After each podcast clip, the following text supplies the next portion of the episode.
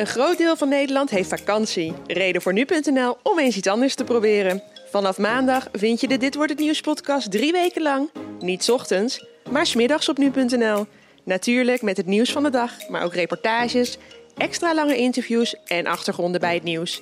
Horen graag wat je vindt. Goedemorgen, het is vandaag woensdag 18 juli 2018 en dit is de Nu.nl Dit Wordt Het Nieuws podcast. Mijn naam is Julian Dom. De Waterverdelingscommissie komt bij elkaar om te spreken over maatregelen in verband met de droogte. Water, uh, de, de waterveiligheid is uh, het belangrijkste. En dat wil zeggen uh, de veiligheid die we hebben tegen het water. Dus dijken zijn het allerbelangrijkste en andere waterkeringen ook. En we praten over een hoger beroep in een zaak die betrekking heeft tot de bankier van de onderwereld, Willem Enstra. Maar nu eerst het belangrijkste nieuws van afgelopen nacht. Donald Trump heeft zijn standpunt over het beïnvloeden van de Amerikaanse presidentsverkiezingen door Rusland bijgesteld. Trump zegt nu dat hij maandag in een gesprek met de Russische president Vladimir Poetin eigenlijk het tegenovergestelde bedoelde van wat hij daadwerkelijk zei. Namelijk dat hij geen reden zag waarom Rusland achter de zaak zat.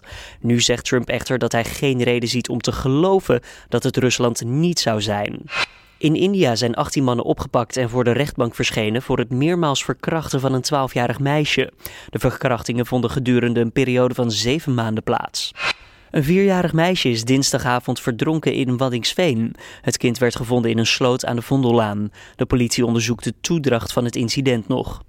Vliegtuigmaker Boeing heeft een contract getekend voor het bouwen van twee 747-8-toestellen die dienst moeten gaan doen als Air Force One. De toestellen moeten in december 2024 klaar zijn en ze worden geverfd in de kleuren rood, wit en blauw. De toestellen kosten de Amerikaanse overheid ongeveer 3,4 miljard euro. En dan kijken we even naar de nieuwsagenda van deze woensdag 18 juli, oftewel dit wordt het nieuws. De droogte lijkt niet op te houden in Nederland. Een oud droogterecord van 1976 zou zelfs eens kunnen sneuvelen als het zo door blijft gaan. Vanwege de situatie komt de Waterverdelingscommissie deze woensdag bij elkaar. We praten hierover met de redacteur Job van der Plicht. Wat zal er namelijk besproken worden door die commissie? Nou, wat ze precies gaan bespreken is nog niet helemaal duidelijk. Dat zal woensdagmiddag nadat het besproken is uh, en nadat het bekend is geworden, uh, zal dat duidelijk worden. Uh, maar in ieder geval is het zo dat het waterpeil in de Rijn en de Maas dalende is. Uh, dat zorgt ervoor dat er minder water uh, in Nederland beschikbaar is, oppervlaktewater. Drinkwater niet, dat is er voldoende, maar oppervlaktewater is dus minder beschikbaar. Wat is oppervlaktewater precies? Water in slootjes, meren, beken, uh, nou, dat is oppervlaktewater. Uh, ook wel het, de, de bovenkant van het grondwater. Uh, er zijn twee lagen grondwater, de, de bovenste laag en de onderste laag. De onderste laag, daar is echt genoeg van. Dus drinkwater hoeven mensen zich geen zorgen over te maken, dat is het probleem ook niet. Maar um, ja, er, er, moet gewoon voldoende zoet water zijn in Nederland.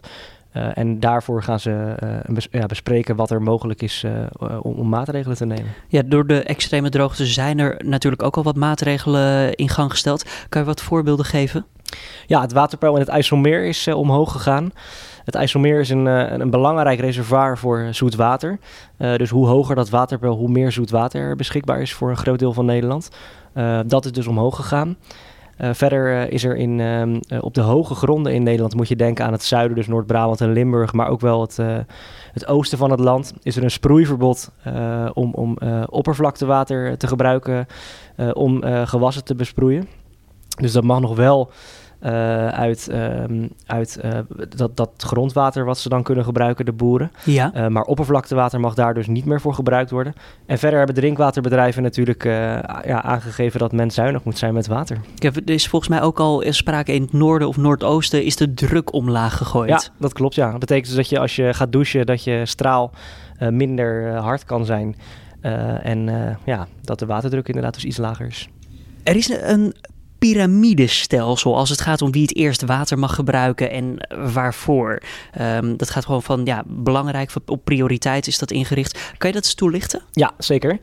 Uh, het belangrijkste in Nederland is gek genoeg niet drinkwater. Oh, dan ben ik heel benieuwd wat dan wel het belangrijkste is. Veiligheid. Water, uh, de, de waterveiligheid is uh, het belangrijkste. En dat wil zeggen Ehm, de veiligheid die we hebben tegen het water. Dus dijken zijn het allerbelangrijkste en andere waterkeringen ook. En waarvoor is het water dan nodig om een dijk bijvoorbeeld ja, in stand te houden? Nou, er zijn bijvoorbeeld veendijken die door de droogte instabiel worden. Die moeten besproeid worden met water. Dus stel dat we echt een tekort zouden hebben aan water, wat nu niet zo is en wat waarschijnlijk ook niet gaat gebeuren, maar stel dat dat zo zou zijn, zouden veendijken als eerste besproeid worden. En dan zouden we dus geen drinkwater hebben in het ergste geval, maar worden de dijken wel besproeid. Ja, nou, je kan je natuurlijk voorstellen inderdaad als die dijk doorbreekt, ja, wat heb je dan nog aan drinkwater Precies. als de Precies. huizen onder water staan? En in datzelfde rijtje staat ook uh, onomkeerbare schade aan de natuur.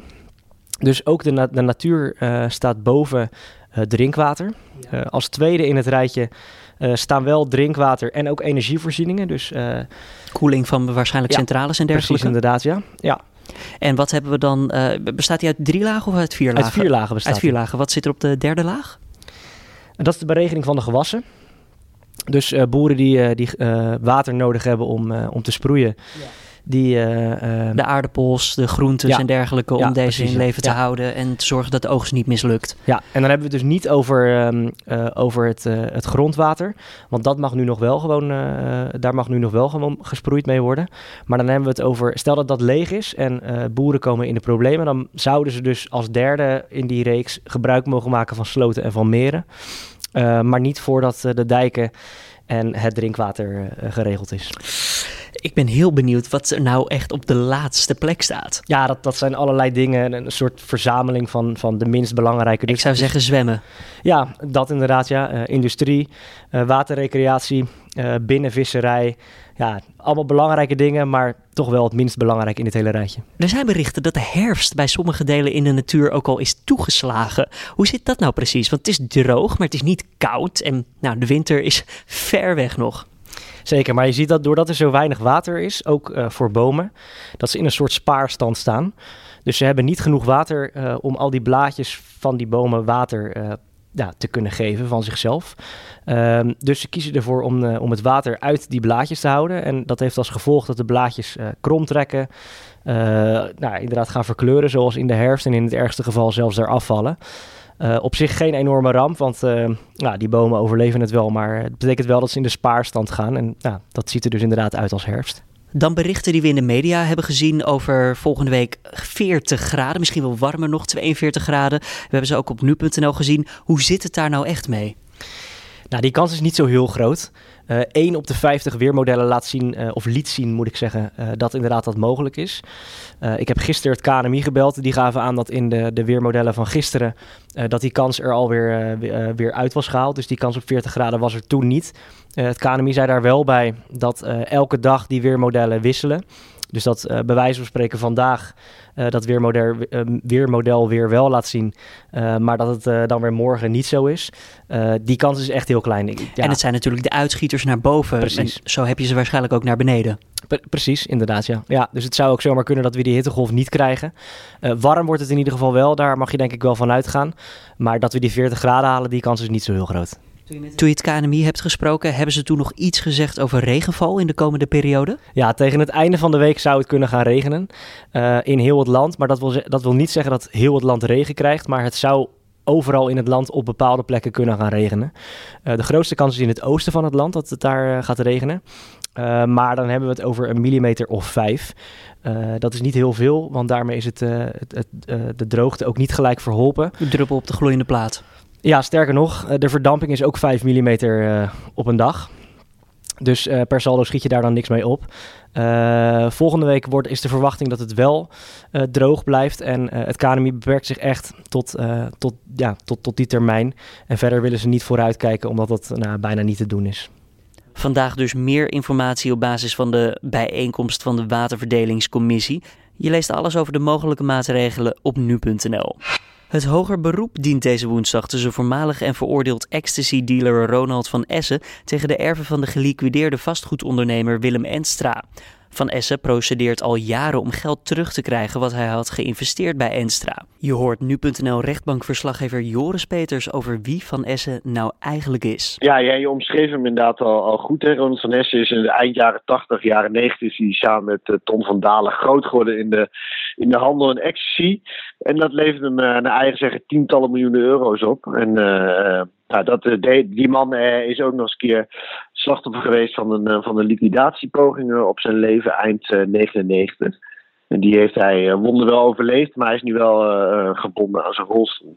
Ja, hij was sowieso niet de liefste. Um, om wat voor investeringen en bedragen spreken we hier eigenlijk?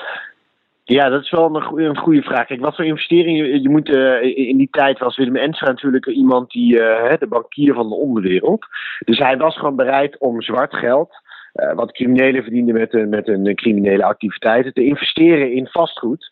en er zo wit geld van te maken. Alleen dit soort investeringen en bedragen werden niet opgeschreven op een papiertje. Het ging op goed vertrouwen. Er was geen nou, fantastische ja, dus boekhouding.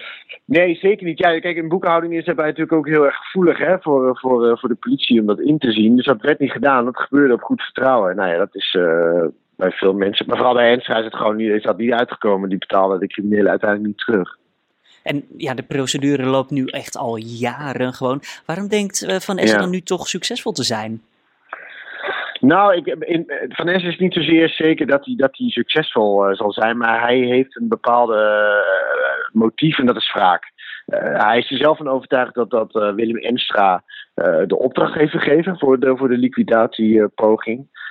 met als reden dus het niet willen terugbetalen van het geld dat hij heeft geïnvesteerd. Oké. dus ja, dus hij, hij wil eigenlijk niet rusten. Je moet het, in die tijd een afspraak gemaakt tussen Enstra en, en Van Essen dat in 1999. Uh, um, dat hij aan het begin van 2000 een bedrag van 10 miljoen gulden zou overmaken. Uh, dat was als het begin, hè? het begin van, de, van het terugbetalen van het geld dat Van S had geïnvesteerd. Uh, alleen dat, dat is er nooit van gekomen, omdat hij, uh, hij toen hij op tweede kerstdag in zijn auto zat, stapte iemand bij hem in. Die heeft hem door zijn hoofd geschoten. en hij ziet dat als een, als een poging, in ieder geval, hij ziet dat als een, een actie van Enstra, zodat hij niet hoeft terug te betalen uiteindelijk. En nu probeert hij dus eigenlijk gewoon de erven het leven zo zuur mogelijk te maken. Nou, hij wil vooral, wat hij, wat, waar deze zaak om dient vandaag, is dat hij wil graag uh, de broers en zussen van Enstra wil die horen als getuigen. En wat hij daarmee wil bereiken is dat zij inderdaad uh, toegeven dat uh, Van Essen geld heeft geïnvesteerd. Want nogmaals, het staat niet op papier, dus er is geen bewijs. Nou, mochten de rechter dat toestaan, hè, dan kunnen zij onder ede worden gehoord en dan zullen zij eventueel toegeven of hij dat wel of niet heeft gedaan. En dan kunnen we eventueel verder naar, naar een rechtszaak uh, om dat geld dan terug te krijgen. En stel hij zal uiteindelijk het geld krijgen, alles gaat goed voor Van Essen, uh, dan staat er volgens mij ook ja. een andere instantie bij hem voor de deur om geld te eisen. Ja, zeker, want dan, het, het blijft natuurlijk gewoon om crimineel uh, geld gaan. Dus dan zal en de fiscus en de staat zal dan de, het zal voor de deur staan om, om, om en de naheffing. En eigenlijk is het gewoon crimineel vermogen, dus ze zullen dat ook gewoon het bedrag terug gaan vragen. Dus nogmaals, het motief moet vooral gezien worden in wraak. Want volgens mij weet hij zelf ook wel dat hij er uiteindelijk, mocht hij, uh, mocht hij winnen, er niet veel geld aan over zou houden. Rechtbankverslaggever Joris Peters hoorde je. De rechtbank in Osdorp doet uitspraak in de zaak tegen negen leden van de Hells Angels, chapter Haarlem. Justitie eist de celstraffen tot 14 jaar in dit proces. Het OM beschuldigt hen ervan leiding te hebben gegeven aan een organisatie die geweld stimuleerde en faciliteerde. En in de Tour de France staat de tweede bergetappe op het programma. De elfde rit is met 108,5 kilometer relatief kort, maar het peloton krijgt van Albertville naar La Rogère wel twee beklimmingen van de buitencategorie voor de wielen. Er wordt voor het eerst deze Tour bergop gefinished. Dat zal naar verwachting tussen 10 over 5 en iets over na half 6 gebeuren. Dan nog even het mediaoverzicht van deze woensdag de 18e. Het aantal autodiefstallen is fors gedaald, meldt de Telegraaf. In de eerste zes maanden van 2018 zijn er 14% minder auto's gestolen in vergelijking met het eerste halfjaar van 2017. Dat blijkt uit cijfers van de Stichting Aanpak Voertuigcriminaliteit. In totaal werden er meer dan 3500 personenauto's gestolen. Uit onderzoek onder ruim 168.000 Nederlandse kinderen die tussen 1979 en 2012 één of meer CT-scans kregen, blijkt dat zij op termijn een iets grotere kans hebben op een hersentumor. In Nederland worden er jaarlijks ongeveer 10.000 hoofdscans gemaakt. Het verhoogde risico komt neer op één extra hersentumor per jaar, dat schrijft de Volkskrant. Na internationale ruzie over het elektrische pulsvisserij wordt er nu ook binnen de grenzen van Nederland geruzied. Dat schrijft Trouw. Door stroomschokjes wordt tong opgeschrikt van de bodem, waarna deze makkelijker gevangen kan worden. Maar op deze manier kunnen de vissers nu ook in ondiep water terecht. Dat tot grote ontevredenheid bij de kustvissers die hengels, fuiken en korven gebruiken. Dan even het weerbericht van vandaag. De zon schijnt wederom geregeld, maar er ontstaan in de loop van de dag een aantal stapelwolken en er is vrijwel geen kans op regen. Er staat een zwakke wind en het wordt zo'n 23 tot 26 graden. En voor we bij het einde zijn van deze podcast, nog even dit. De duurste film ooit van Chinese komaf is namelijk na drie dagen in de bioscoop te hebben gedraaid alweer van het witte doek verdwenen. De fantasyfilm Asura heeft 100 miljoen euro gekost, maar wist in het openingsweekend slechts 6 miljoen euro op te brengen. Ook de recensies zijn niet echt om over naar huis te schrijven. De film scoort momenteel namelijk een 3,1 op de schaal van 10 op een grote Chinese filmsite. De kosten zitten vooral in special effects. En mochten er nog fans zijn die de film willen zien, tot nu toe lijkt daar niet echt bewijs voor te zijn. Maar dan zouden die fans geluk hebben. Want de producenten willen de film namelijk op een later moment opnieuw uitbrengen. Dat zal wel pas gebeuren nadat er enkele aanpassingen zijn doorgevoerd. Dit was dan de Dit wordt het nieuws podcast van deze woensdag 18 juli. Je vindt de podcast maandag tot en met vrijdag om 6 uur ochtends op nu.nl. Wat vond je van de podcast? Laat het ons weten via een recensie in een van de podcast apps of stuur even een mail naar redactie.nu.nl. Mijn naam is Julian Dom en voor nu tot morgen.